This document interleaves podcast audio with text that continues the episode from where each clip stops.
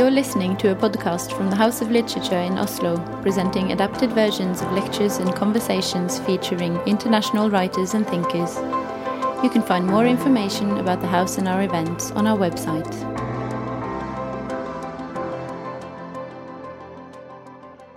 Good evening, everyone, and welcome to tonight's event with Nguyen Phan Que. Nguyen Phan Que grew up in the shadow of the Vietnam War, seeing people with missing limbs, with severe PTSD, and mothers who had lost their children. The war, the land reforms, and the colonization period before that has all left deep wounds in many people and torn families apart. It was a history that was difficult to talk about. But Nguyen Phan found she could write about it. Already an accomplished poet, published in Vietnamese, she wrote The Mountains Sing as her first novel and her first book written in English. The novel offers a child's perspective on the war through the girl Huong, who stays with her grandmother Dieu Lan and listens to her stories about what her family has experienced over the decades. In a lyrical language and with a vivid imagery, Nguyen Phan explores Vietnam's history, along with big themes such as memory and the possibility of reconciliation. The Mountain Sing has met great critical acclaim across the world, and I'm very happy to say that it is now also available in Norwegian, translated by Lene Stokseth. Nguyen Phan Que has written poetry, short stories, and books for children, as well as The Mountain Sing and the novel Dust Child, published in English only earlier this year or last year, yeah. And to speak with Nguyen Phan here tonight, we're lucky to have with us Yukiko Duke, a translator, critic, and artistic advisor for the Norwegian Festival of Literature. So please give them both a warm welcome.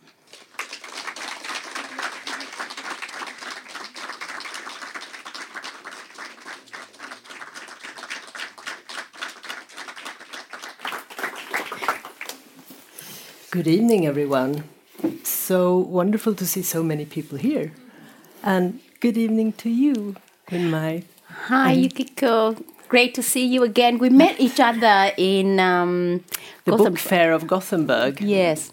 About a week ago, is yeah. yeah, just a few days ago, mm -hmm. and it mm-hmm. was great. Hi, everyone. I want to say thank you. Actually, I'm so moved to see a full house. I expected like four or five people coming all the way from Vietnam. You know, um, Vietnamese writers rarely have the chance to pub be published internationally, and to be here um, in your company is just such a great honor. Um, yeah, I look forward to a great time tonight. So thank you so much. Um, yeah. Let's give her one more welcome applause.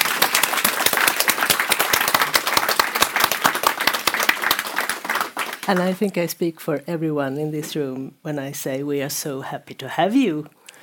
And it's wonderful to see you here. Now, we are going to talk about Fjellene Synger, which is your first book in Norwegian translation. Uh, translation, as Åshild mentioned, made beautifully by Lene Stokseth. And uh, this is a multi generational tale about the Tran family, and we're going to get back to the book and talk more about it. But actually, you didn't start out like an, a novelist, you started as a poet. And I think for everyone who's read the book, this is very obvious because the lyrical language is the language, and the exactness of the language is the language of a poet. So, if possible, could I ask you to read a poem for us? Should I do that? of course you shall. Thank you, Yukiko. It's a great honor to be having a conversation with you today in this beautiful house of literature. Um, so, The Mountain Sing is um, a novel that I wrote for my two grandmothers who had died before I was born. Um, one due to um, the uh, the great hunger that killed uh, nearly two million Vietnamese, and my grandma died together with her brother and her youngest son. And we did not find her grave uh, for many, many years. So uh, my aunt actually went to a fortune teller to ask uh, for the graves of, of her and the fortune teller told her so so she went and to the rice field and followed the instruction and found three sets of graves and the only thing that identified my grandma was that the, the person who had buried her had had told my aunt that um, he was too weak during the Great Hunger to make a gravestone, so he put a brick atop my grandma's head as a marking. And when my grand, uh, when my aunt dug up the patch of, of rice field, she found three sets of, of bones, and one had, had a brick above her head. So I went back to my uh, father's village before my father did. So I imagined my father was there with me. So I wrote this poem. The poem I can't yet name. My hands lift high a bowl of rice, the seeds harvested in the field when my grandmother was laid to rest. Each rice seed tastes sweet as the sound of lullaby from the grandmother I never knew. I imagine her soft face as they laid her down into the earth.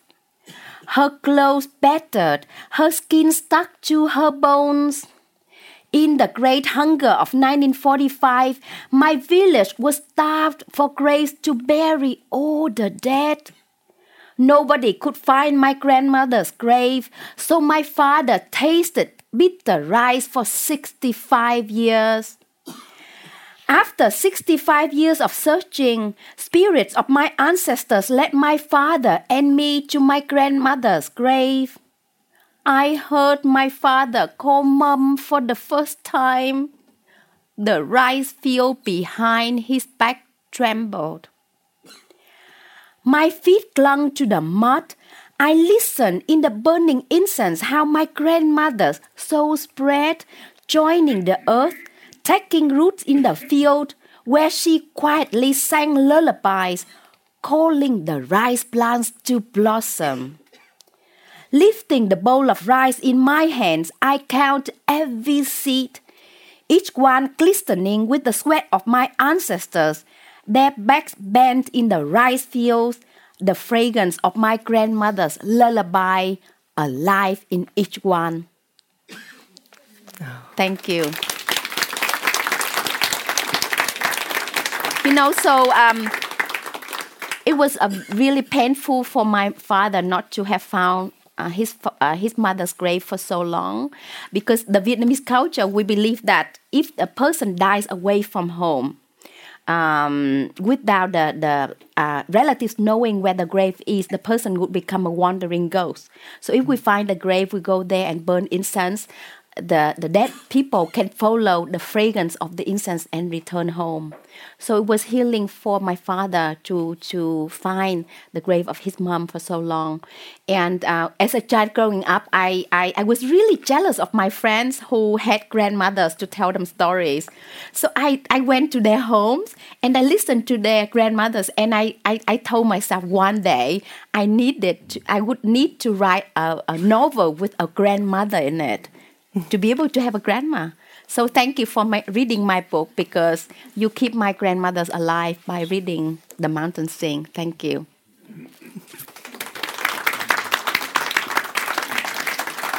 We will talk more about your grandmothers a little bit later, but first of all, let's talk about The Secrets of Hoa Sen.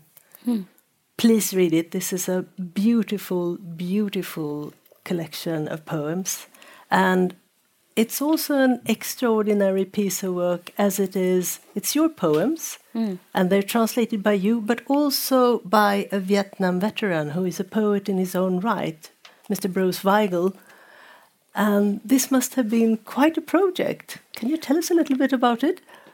Um, so um, yeah bruce weigel is an amazing poet and this this I mean, talking about the power of literature, this is such an amazing thing that happened because, like, uh, growing up uh, in Vietnam, you know, I was told that American soldiers were killer, killing machines. They didn't have, you know, feelings. But when I started working with veterans, I had, I, I saw so much of their pain and suffering. So I started to translate their poetry and I facilitated for the, the, the return of many veterans to Vietnam. I um, translated for their reunions with their former enemies. And some of the most beautiful moments uh, I witnessed was actually, you know, uh, reunions of uh, Vietnamese and American veterans together who were former enemies. They, they were reading poetry to each other, and I translated for them, and we cried so much together. So, um, so the the poets, the American poets, were like, you translate a lot of Vietnamese poets because I translated, you know, Vietnamese and Americans and brought them together. And then they said, what about your own poetry? So that was, uh, you know, like two years after I had been doing the, the translation work. So then I thought, okay, I need to translate my own poetry. Then I, I started doing this crazy project of translating my own poetry using the Vietnamese English dictionary. And then uh, Bruce Weigel helped me. And Bruce Weigel is an award winning American poet who um, went to Vietnam as a 18 years old man, and actually he said um, so. He fought in Quang Tri, one of the the fiercest battlefields, and he got injured. He still has a, you know, like um, he was badly injured in his head, so like a, a piece of his skull is still missing, and um, but he said the war robbed his youth, but gave him his voice. So when he went back to the uh, the, the U.S., he wrote poetry to uh, to um, to protest the war in Vietnam. Uh, so he he wrote about the horror of the war, uh, about the children, about the women who were like uh, being injured or killed by the war. And I was so moved uh, by by uh, by you know by his poetry. So um, actually, so um, I translated quite a few of his poems and and traveled to Vietnam around with him in Vietnam. And we also did poetry readings in the U.S. with my poetry collection. Um, so it has been a miracle, actually. And such a beautiful project. And this is one of these huge projects, I think, that really shows us what literature can do mm. in uniting people, even though there's so much mm -hmm. between them, yes. so much sorrow and so much misery and mm. so much of suffering. Yeah, I mean that's mm. that's the reason why I had to write the mountain sing. Mm. Uh, you know, I was born in the north of Vietnam and grew up in the south of Vietnam, and I uh, I remember when in the north, you know, my village was emptied of of men uh, who had gone to the battlefield and few came back. And then you know i kept seeing the women who were waiting for the return of their loved ones. They were standing on the dike the highest point of our village to look out to the road that would lead to our village from the town. They were waiting every day every day.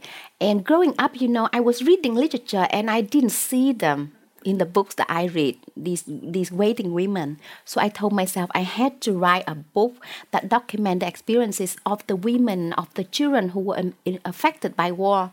And when I went to South Vietnam, you know, I grew up in Bạc Liêu in South Vietnam. I also saw a lot of waiting women, uh, women who were waiting for the men who had been imprisoned in re-education camps, men who had fought alongside with the Americans, um, and also men who did not come back from the war. And one day, you know, I was walking to school. I think I was um, I was in fourth grade at that time. I I was walking to school one day when I saw a commotion ahead of me, and I ran I, I ran towards it, and it was you know there was a crowd of people under the tree and um, from a tree there was a body of a woman.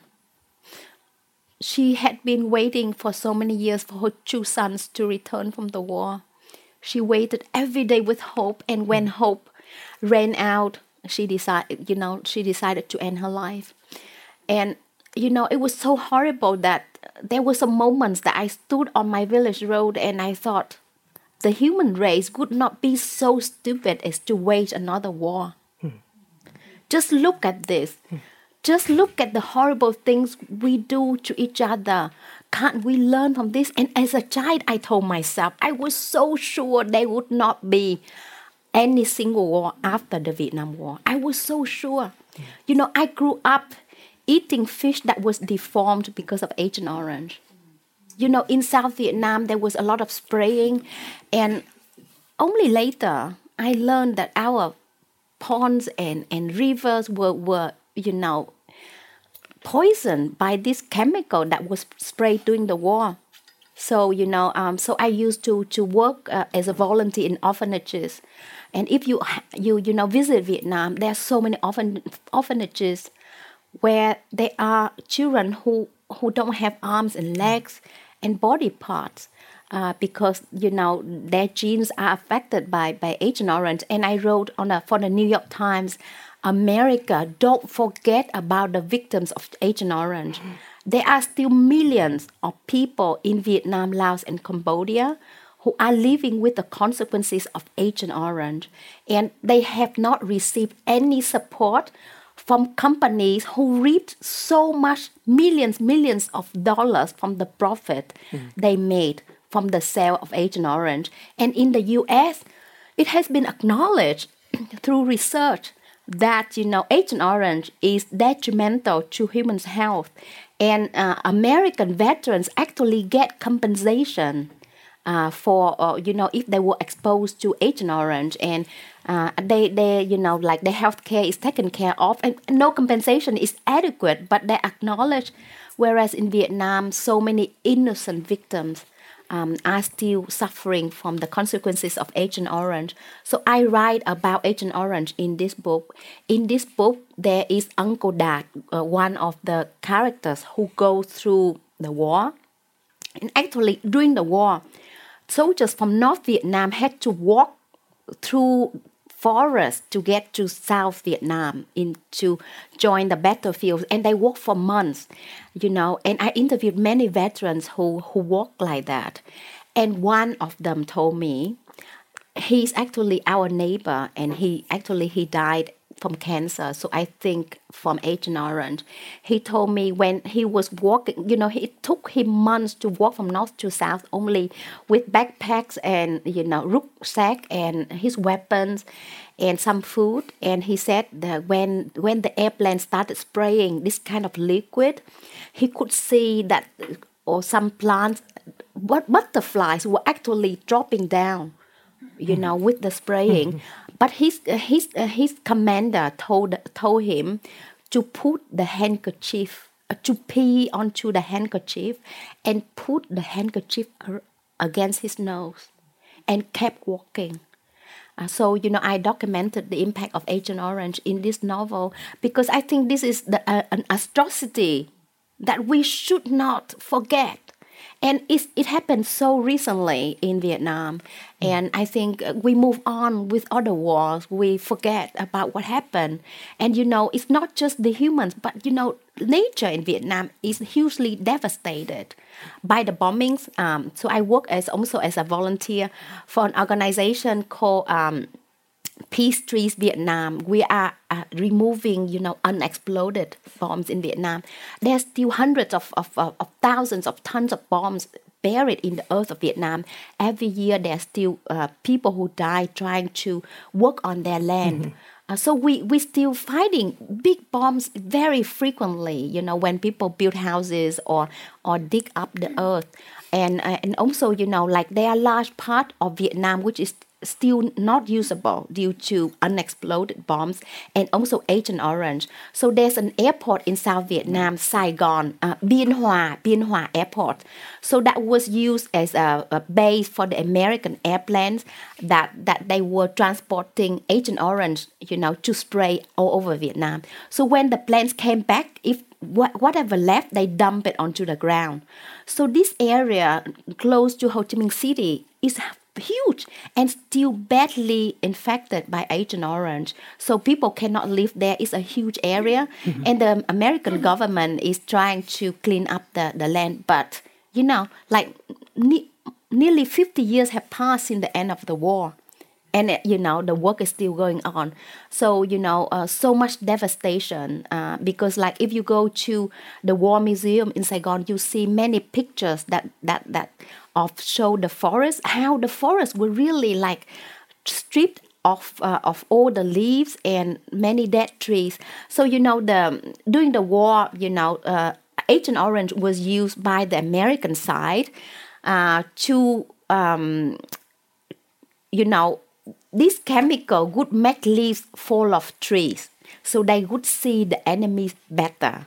So when they sprayed millions of tons, you know, so so uh, the the the impact on human and animals and on on nature is horrendous. Hmm.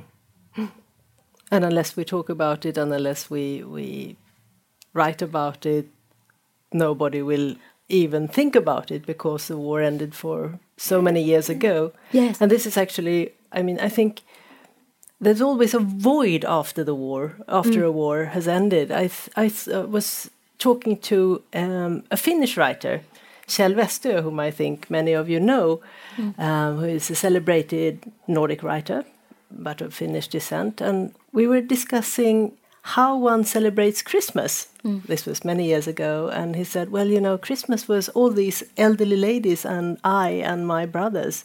And I said, "The elderly ladies?" And he said, "Yeah, everyone was dead in the war." So it had this grand piano, and on top of the grand piano, you had all these photos of people who had died in the war, mm. all young men who left behind very young wives with children.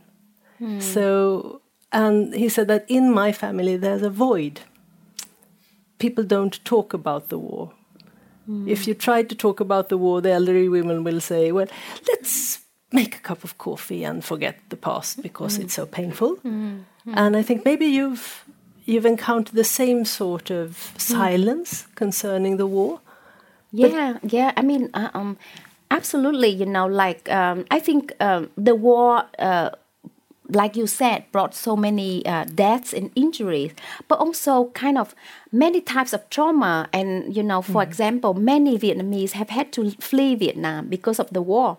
You know, so um, many Vietnamese in Norway uh, had to leave Vietnam, and no one wants to leave the homeland. So it's, it's a very painful, and many Vietnamese actually lost their relatives trying to flee Vietnam. So when I was growing up in in in in Bạc Liêu, you know, sometimes my friends would go missing from my class. And then we were not allowed to talk about both people fleeing because it was a forbidden topic. We had to ignore it. And then it was very painful with not having the chance to say goodbye to your best friends. And it's, you know, until today, I don't know what happened to some of my friends at that time. And it, it's really, uh, really painful. You know, we are a country which, ha- which have been torn apart by so many historical events, not just the Vietnam War, but this book I, I deal with, you know, the French occupation of Vietnam, the Japanese invasion, the Great Hunger that killed nearly two million people, and the land reform that, that tore Vietnam apart. And many Vietnamese actually fled North Vietnam because of the land reform to go to South Vietnam. And then after the war, they, they fled South Vietnam again. So there many, you know, uh, relocations many re- relocations and separations uh, so um, so i mean i interviewed hundreds of people for for for this for this novel and i feel every vietnamese uh, his, uh, family uh, deserves an epic novel hmm. because mm. we have been through so much so my my toughest thing it was to kind of how to honor the the stories I have witnessed. You know, um, so so that's why I de- decided to um, create um, you know like a large family and each family member is a witness of a historical event. And i wanted to show how history can really impact onto the lives of the people. Um, so you know like as a vietnamese writer to write about vietnamese history is like walking on thin glass. It's dangerous it's, it's dangerous also because of censorship in Vietnam. Mm. You know, that's why I had to write this novel in English to have my freedom of creativity. Because in Vietnam, if you were to publish something, the first thing you need to do is to censor yourself to protect yourself and your family. So so you know, uh, so that's why um, I had um, you know I enjoy the freedom of writing in English, even though it was extremely difficult.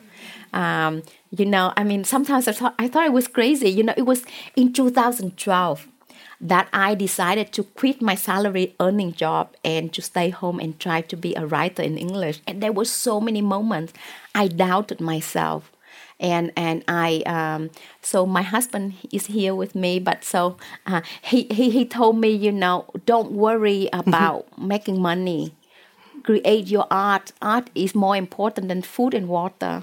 So you know I listened to him and An applause for the husband. and you know because like only writers have our names on the fr- on the front cover of our books. But actually you know it's teamwork. It's our family. Um, it's our family. It's our publisher. Uh, and i want to to to thank my amazing publisher evie uh, who represents my publisher. Evie where are you?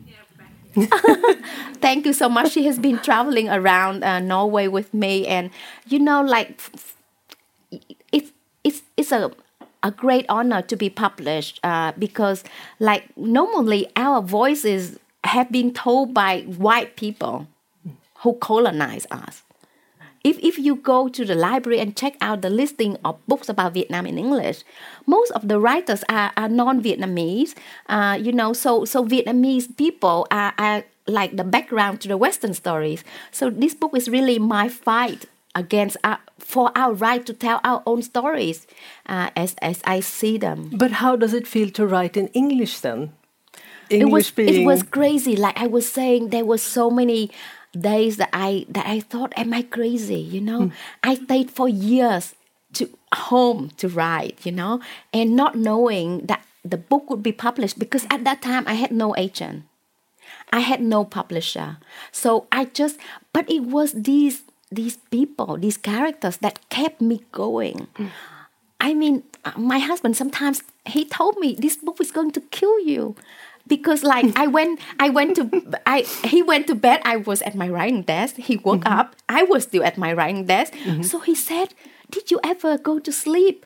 But you know like I was so compelled about these stories.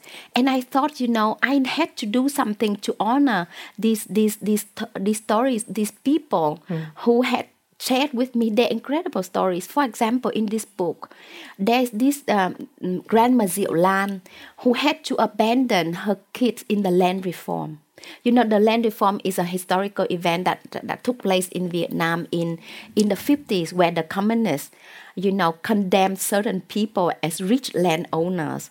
And, you know, so they, uh, you know, the towns had to have a quota of how many people to execute. So pe- people were beaten up, were killed. So I heard this story about this woman whose brother and and father, uh, whose brother and um, uncle were killed, and overnight she had to run away with her children. She was a hardworking landowner, but because she had workers working for them, so she was condemned as an exploiter.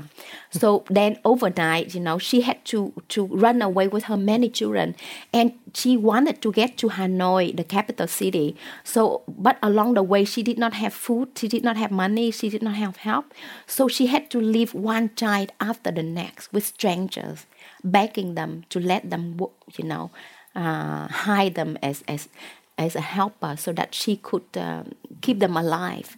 So when I heard this story, I felt, you know, I had to document this type of stories. So it was the characters that kept me, you know, sleepless. Uh, so it took me seven years to write this novel. And, you know, um, so but i couldn't find an agent i couldn't find a publisher because i sent to many agents you know as a, writer from vietnam who had no contacts uh, no you know like people were just like okay i most of the agents in the us uh, did not respond to me and those who were kind enough said oh your story is too sad or uh, sorry i can't i can't sell it I tell you now, they regret doing it because this book has been, you know, like translated to 22 languages. So it's incredible. But I mean, but you know, I, th- I, I told myself, okay, rejections is something of a everyday life of a writer. I need to believe in myself and my stories. So, okay, I swallowed the bitter rejections and I went on and I wrote my second novel. Hmm. So my second novel, Dust Child, was published in March this year. And you know, in Vietnamese, we have this proverb, trong cái rủi có cái may. good luck hides inside bad luck. The hmm. bad luck was that I couldn't find an agent. The good luck was that ignore them. I go on and write another thing without any pressure. So I wrote Dust Child without much pressure. And now, um, so when I had the, you know, like the, the very rough draft of Dust Child, and then I found an agent, and then it was published. So it was great because then, you know, now writing the third book is more difficult because mm-hmm. I know people have expectations. There's more pressure. But writing a new book is like starting all over again. It's like learning to walk again and and like my new novel is different than the first one because in the new novel, you know, I'm sometimes I'm really crazy. I want to do things different. So in my second novel, I write in the voice of an American man you know, mm. American men have written in the voices of Vietnamese women all the time. so I told myself I have to do the reverse to them to see how it feels. And it felt empowering. I really enjoyed it. But I couldn't have done that without my years of working with veterans, you know, mm. translating for them. So, so yeah, so each book is like starting, uh, learning how to walk again is really mm. difficult. But you're a writer with a mission. You write about the war so that it'll never be forgotten.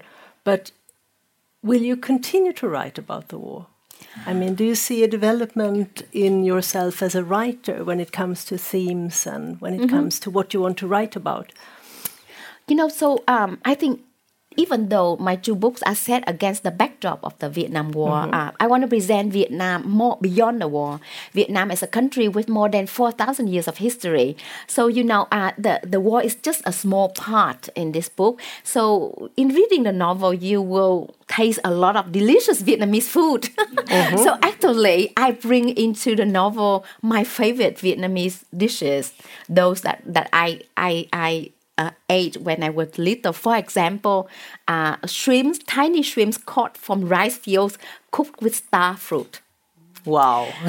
and it's like something that I cooked very often when I was growing up. And mm-hmm. I bet with you, you don't normally find this in restaurants mm-hmm. okay so you get to taste this in, in this novel and i also you know talk a lot about vietnamese poetry literature uh, music uh, uh, proverbs um, yeah, but I mean, uh, on a broader perspective, my third novel is um, is beyond the war, so mm-hmm. I I don't set it in the no. war anymore. Mm-hmm. So I also want to uh, you know to uh, talk about Vietnam more uh, of Vietnam in the current day uh, and the issues that affect us.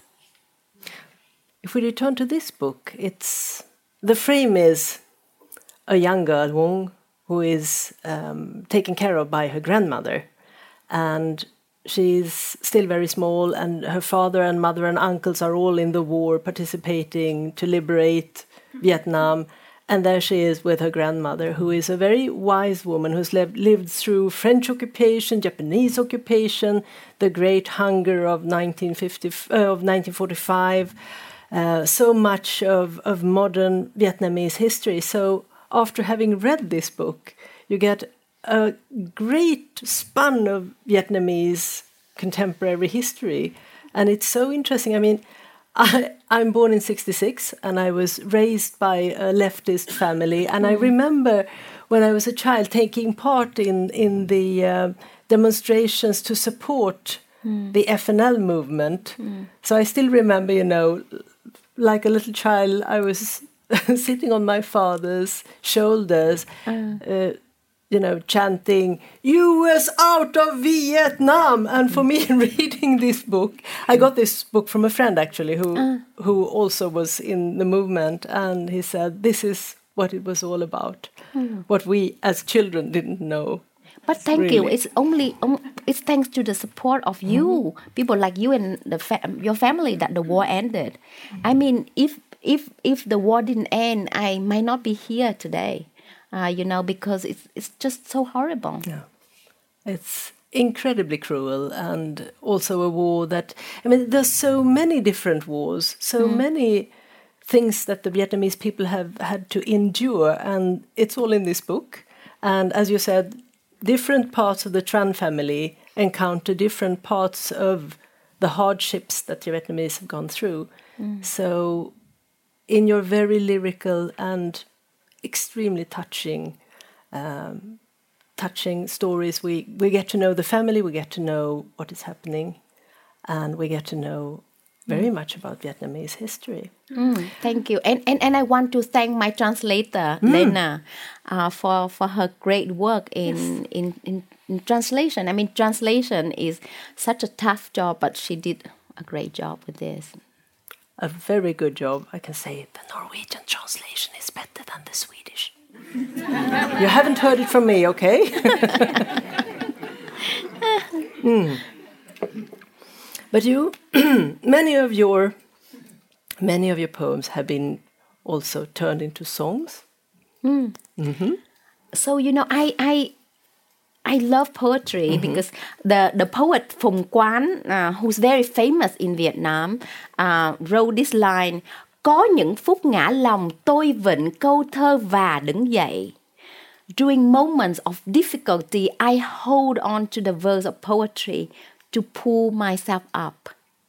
So, you know, uh, during my childhood, when we were really poor, not having enough to eat, my mom always fed me poetry. She sang a lot of lullabies to me, and I, I listened to poetry via the public radio pod, broadcast. So, actually, I wrote my diaries in poetry as a little girl.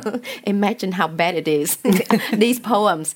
But, you know, it was my way of learning to write. So, so you know, uh, so I, I, I started publishing uh, poetry first.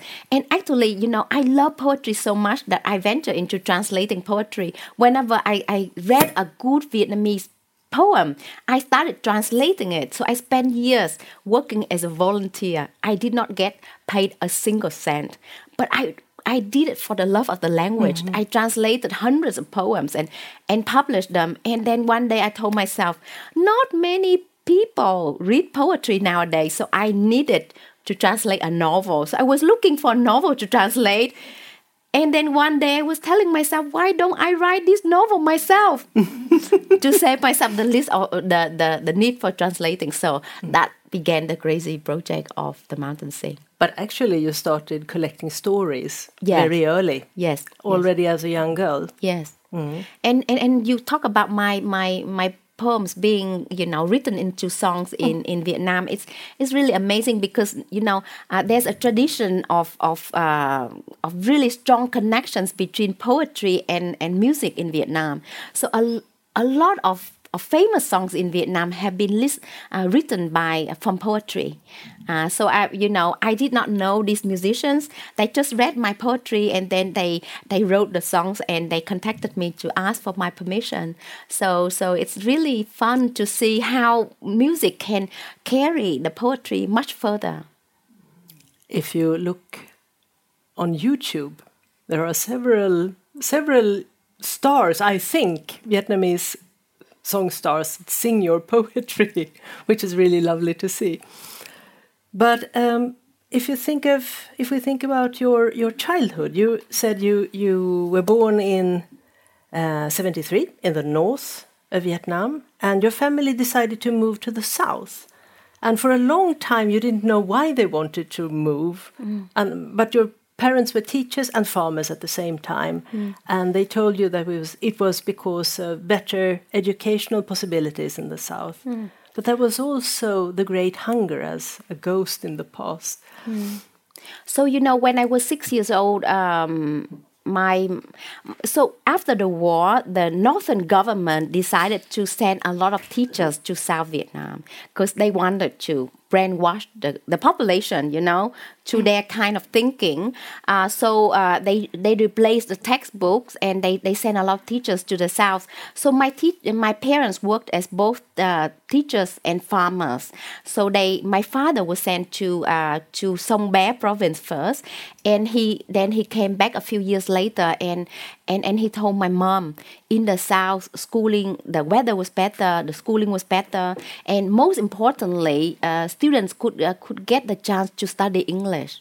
Because in the north we had no chance of studying english and he saw the english of as the key to the world so he insisted that my mom uh, moved us to south vietnam so when i was six years old we traveled by train from from Ninh Bình to Bạc Liêu.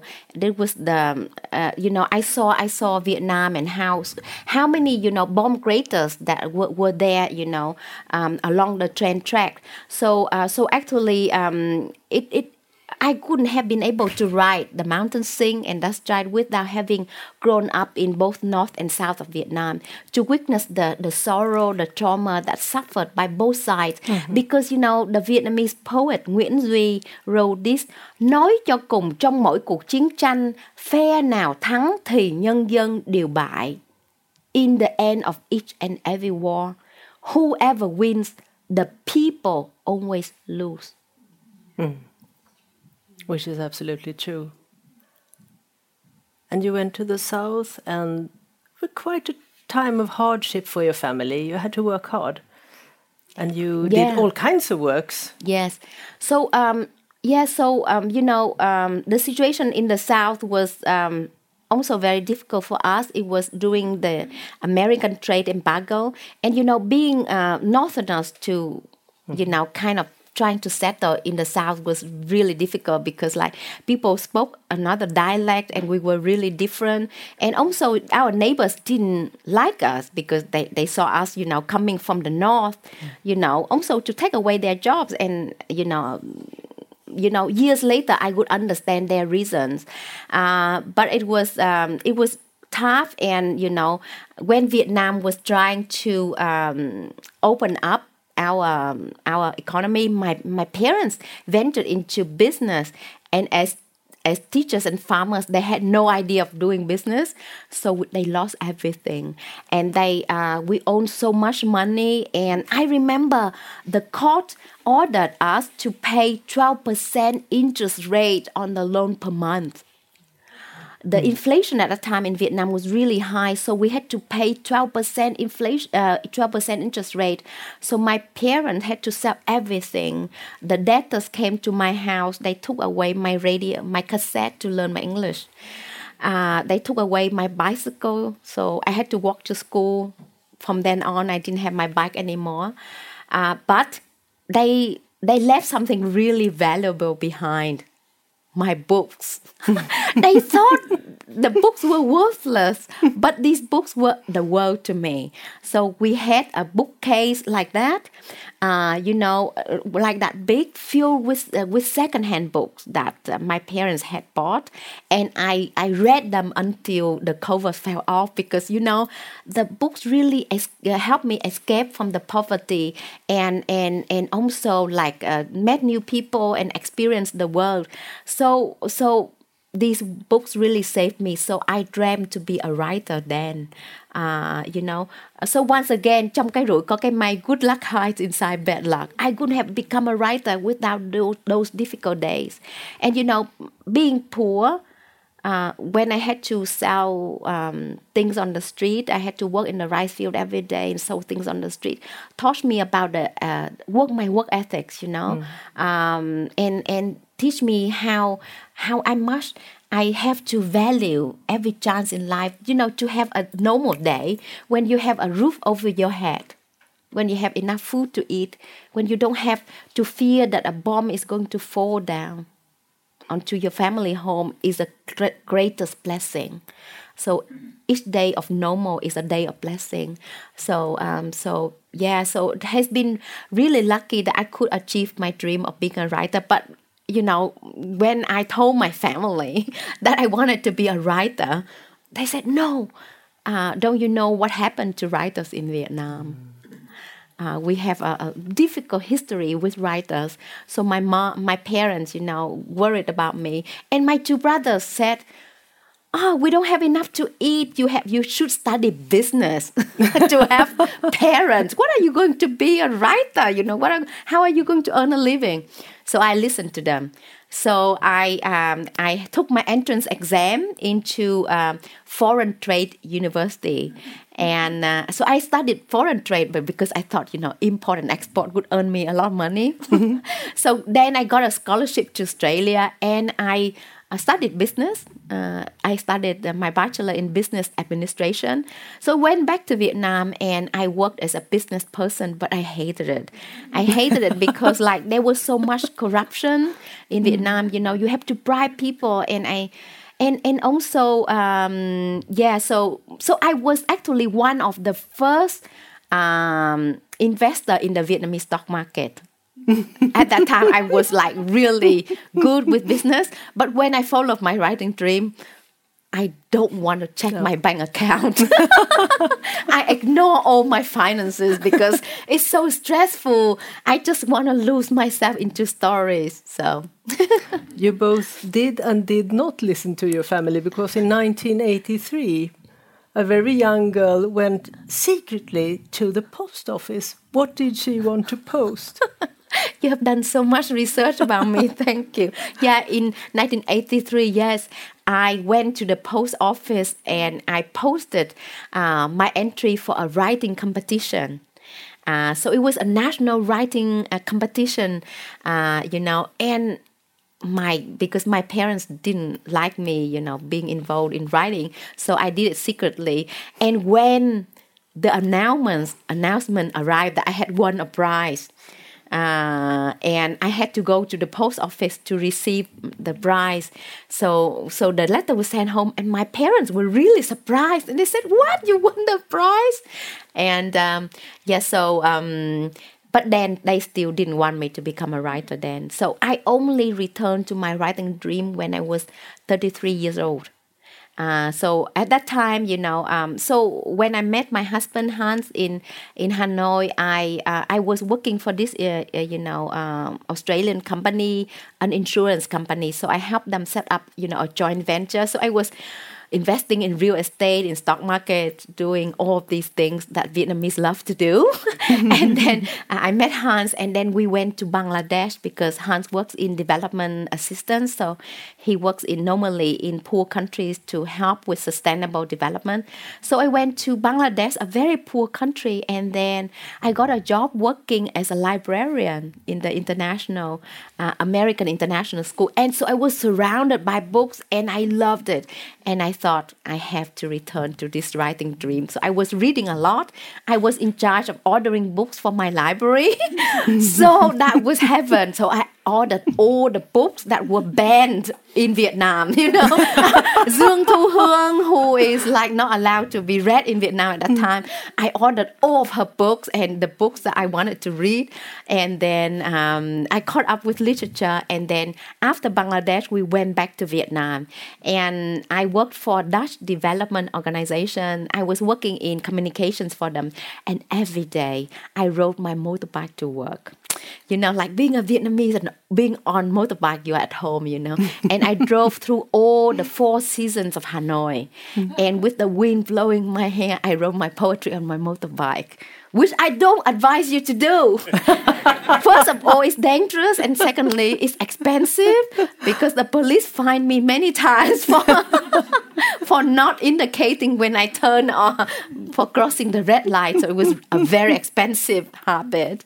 Uh, but um, Hanoi is really beautiful, so I wrote a lot of my first poems on my motorbike. So you know, I, I composed it when I was on a motorbike because being on a motorbike is different than being in a car because you are part of the daily life you know mm. there were many street sellers who who sing they sing songs and you are part of, of, of their daily life and and then I absorb these stories uh, so I would have my idea when I go to work. So at first I, I write. So I had uh, I kept a blog at that time. I didn't think I would publish, and suddenly I had so many followers with my mm-hmm. poetry blogs. And then one of the followers is a well-known Vietnamese uh, photographer, Thai Phiên, and he messaged me. He said, "You should po- publish your poems. I I know a publisher." And he introduced me and my poetry got published. And this is how it started on a motorbike. We're very happy that he he told you that you had to be published because that was the very beginning of everything. Yes. And now we have Fjellene Synger in Norwegian and hopefully we'll have Dust Child soon as well. We could go on and listen to you for ever but actually, our time is up. Oh. But you wanted to do something Oh. to give the audience a special treat. Should I read or should I sing? Sing. sing. I shouldn't have asked, right? Um, so um, actually, I don't normally sing in front of Vietnamese people because I'm not a good singer. Um, but um, this is a thank you song for the audience. Um, so um, I grew up in. Uh, so in my second novel, I write about vọng cổ music. This is like traditional Vietnamese opera that is the daily, uh, the the normal uh, Vietnamese live music uh, that we compose about, you know, um, our daily life. So this song is uh, for you, my readers. I hope I can sing it. Oh, and you need to follow the Vietnamese tradition. In the middle song, when I give you uh, uh, a sign, you need to clap. Even though I'm not a good singer, but this is the tradition. And then I would continue to sing. Can we clap anyway, or is it some sort of pattern that we have to just, follow? Just one in the middle. Okay. I will give a sign. Mhm. Bạn đọc ơi, hôm nay các bạn đã về đây đoàn tụ. Nhìn những gương mặt thân quen tôi như thấy mình mắc nợ ân tình.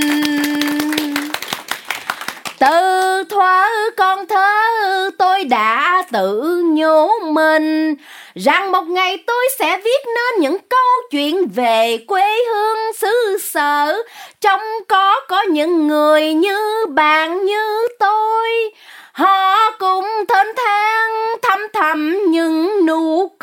cười rồi rơi nước mắt trước tận cùng đau khổ bạn đọc ơi suốt đời tôi mắc nợ những ân tình tôi mãi mãi khắc ghi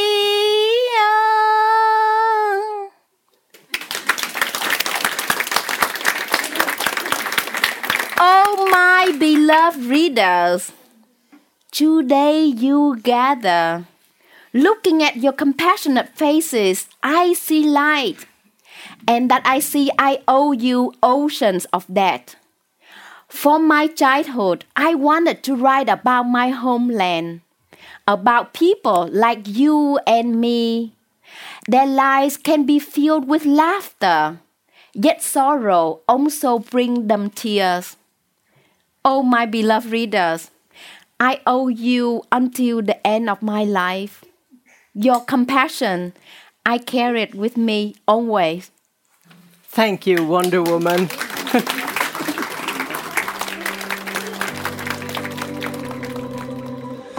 You've been listening to a podcast from the House of Literature in Oslo, presenting adapted versions of lectures and conversations featuring international writers and thinkers.